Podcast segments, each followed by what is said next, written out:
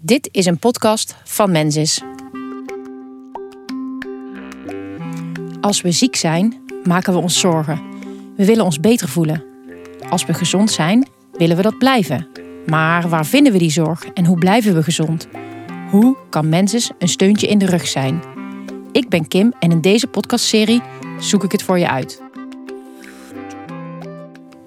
Deze week wachtlijsten. Wachten. Al onze medewerkers zijn in gesprek. Tot je wordt geholpen aan de telefoon, in de rij bij de supermarkt of aan je tafeltje in een restaurant. Tja, waar wachten we zo al op? Ik vroeg het op het schoolplein. Uh, nou ja, waar wacht ik eigenlijk niet op, zeg maar. Je wacht overal op. Op je kinderen op school. Je wacht tot het eten klaar is. Je wacht op... Ja, je moet overal op wachten. Dus ja, wachten hoort gewoon bij het leven. Buiten school om. En wat dan vervelend is inderdaad dat je op het open, openbaar vervoer uh, moet wachten. Dat het niet altijd allemaal kan aansluiten. Stel je nu eens voor dat je niet wacht op het openbaar vervoer, maar op een operatie.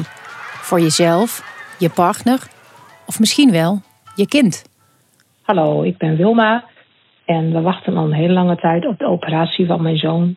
Heeft een uh, kruisband, voorste kruisband kapot en uiteindelijk uh, via een regionaal ziekenhuis hier in het noorden van het land terechtgekomen, onderzoeken gehad. Duurde lang, lang, lang, alles met elkaar. De zoon van Wilma heeft tijdens het voetbal zijn voorste kruisbanden gescheurd. Op thuisarts.nl lees ik dat dit vaker gebeurt tijdens het sporten. Als de voorste kruisband is gescheurd, kan iemand niet meer goed op het been staan of hij zakt er doorheen. En hij rijdt bij zijn werkgever uh, een jaarcontract. Waren het niet dat hij ook net op dat moment dus die ongeval krijgt met, het, met zijn knie. Dus dat betekent eigenlijk gewoon dat hij zijn baan kwijt is op dit moment. Wilma vertelt me dat er een wachtlijst van vier maanden is. Maar dat verandert later weer en daardoor weten ze niet wanneer ze wel geholpen kunnen worden. Je weet niet hoe lang het duurt, wanneer je aan de deur bent. Maar het is wel een jonge knul die wil werken. En dan uh, loopt hij een beetje hier in het om het huis met zijn ziel onder de arm. Ja, dat, dat kan. Um, nou ja, dat is moeilijk, moeilijk te verklappen voor ons ook, maar voor hemzelf ook. Ondertussen zit haar zoon thuis en dat vindt ze moeilijk om te zien. Daarom neemt ze het heft in eigen hand. Ik heb um, mensen wachtlijstbemiddeling gebeld. In haar zoektocht krijgt ze Evelien aan de telefoon. Evelien is zorgadviseur en zoekt vaker naar kortere wachtlijsten.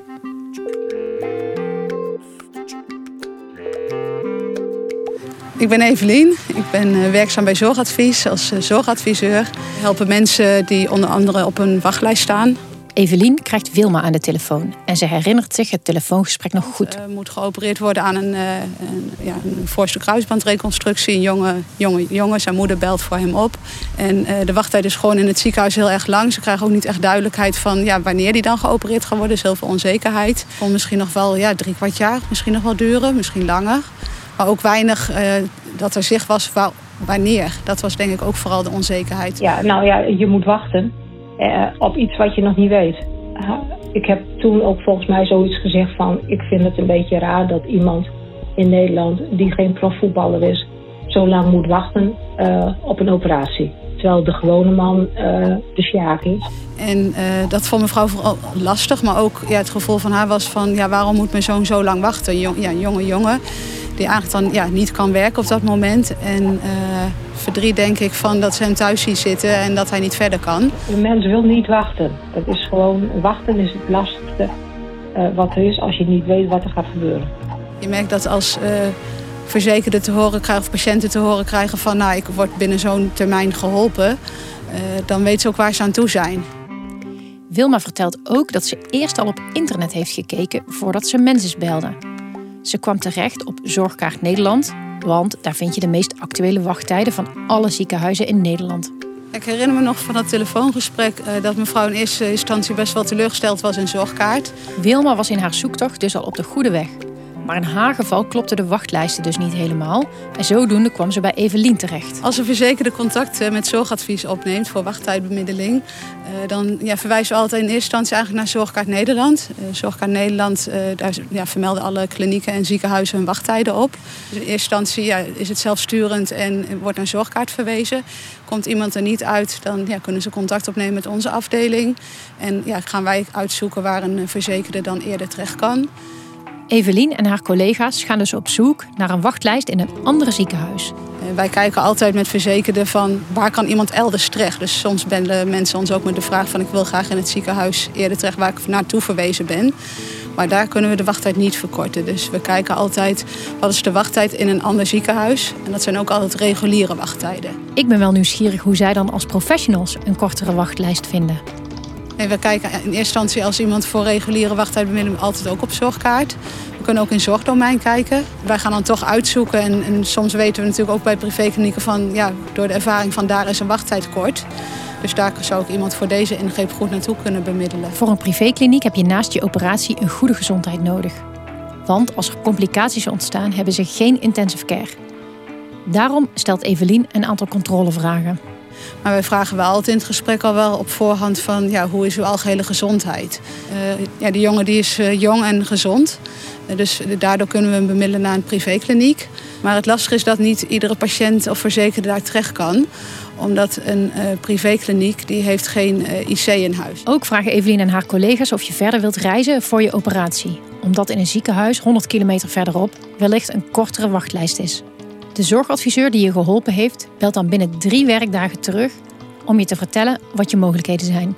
Mensen die heeft uh, uh, tips gegeven. Je moet Bergman Clinics bellen, expert en die en die en die. toen ben ik eigenlijk gaan bellen om te kijken of die ergens sneller aan de beurt zou kunnen zijn. En toen was het een andere kliniek in Utrecht. Daar kon hij dan de donderdag daarop terecht. Dus dat hebben we gedaan. Je bepaalt vervolgens zelf of je een behandeling wil in een van de voorgestelde ziekenhuizen of klinieken. Voor ons is dit heel prettig. Hij weet nu, dat is de datum. Dan word ik geopereerd. Daarna kan ik naar mijn herstel toe werken. Dus er is nu duidelijkheid. En dat maakt het wachten nu vraaglijk. Dat klinkt een beetje raar. Ja, je weet nu waar je aan toe bent, dus dat is prettig. Het de gesprekken geven me voldoening. Als ik echt iets ja, voor de verzekerde heb kunnen doen. Ja, dat, dan is het voor hem het meest motiverend en, en, en voor hem het beste, financieel en ook voor hemzelf, om zo gauw mogelijk weer aan het werk te zijn natuurlijk. Er is een, wel een chronisch gebrek natuurlijk naar vrachtwagenchauffeurs. Uh, ze wachten eigenlijk in principe op hem. Niet alleen Wilma en haar zoon wachten dus op de operatie, maar zijn werkgever wacht ook. Wilma vertelt waarom hij extra gemotiveerd is om snel te herstellen na de operatie. En um, hier in de regio, ik weet niet of u daarmee bekend bent, is vanaf september rijden ze bietencampagne. Dan rijden ze alleen maar bieten, nog niet. Dus dan is de bietencampagne voor hem nu uh, ideaal qua revalidatie. Dan is die voor de bieten is die, gaat dat lukken. Natuurlijk, iedereen kan contact opnemen met ons, losstaand van leeftijd. En ieder gesprek is weer een nieuwe ja, zorgvraag. En probeer weer net zo goed te helpen en, en, en ja, je best te doen. En uh, ja, dat blijft voldoening geven.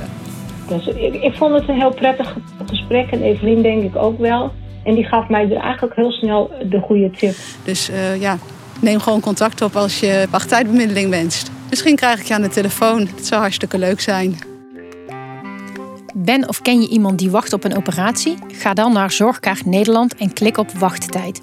Vul daar je behandeling in en je krijgt te zien waar je sneller terecht kunt voor een eerste intake. Wacht je op zorg in de GGZ, wijkverpleging of andere zorg? Ga dan naar mensis.nl/slash wachtlijstbemiddeling. Daar lees je direct wat je kunt doen. Wil je liever iemand persoonlijk spreken? Vraag dan een gesprek aan op mensis.nl/slash zorgadvies. Vond je dit nou interessant en wil je meer van dit soort antwoorden horen? Abonneer je dan op deze podcast. Want volgende week ga ik op zoek naar energie. Hoe zorg je ervoor dat je het krijgt en houdt?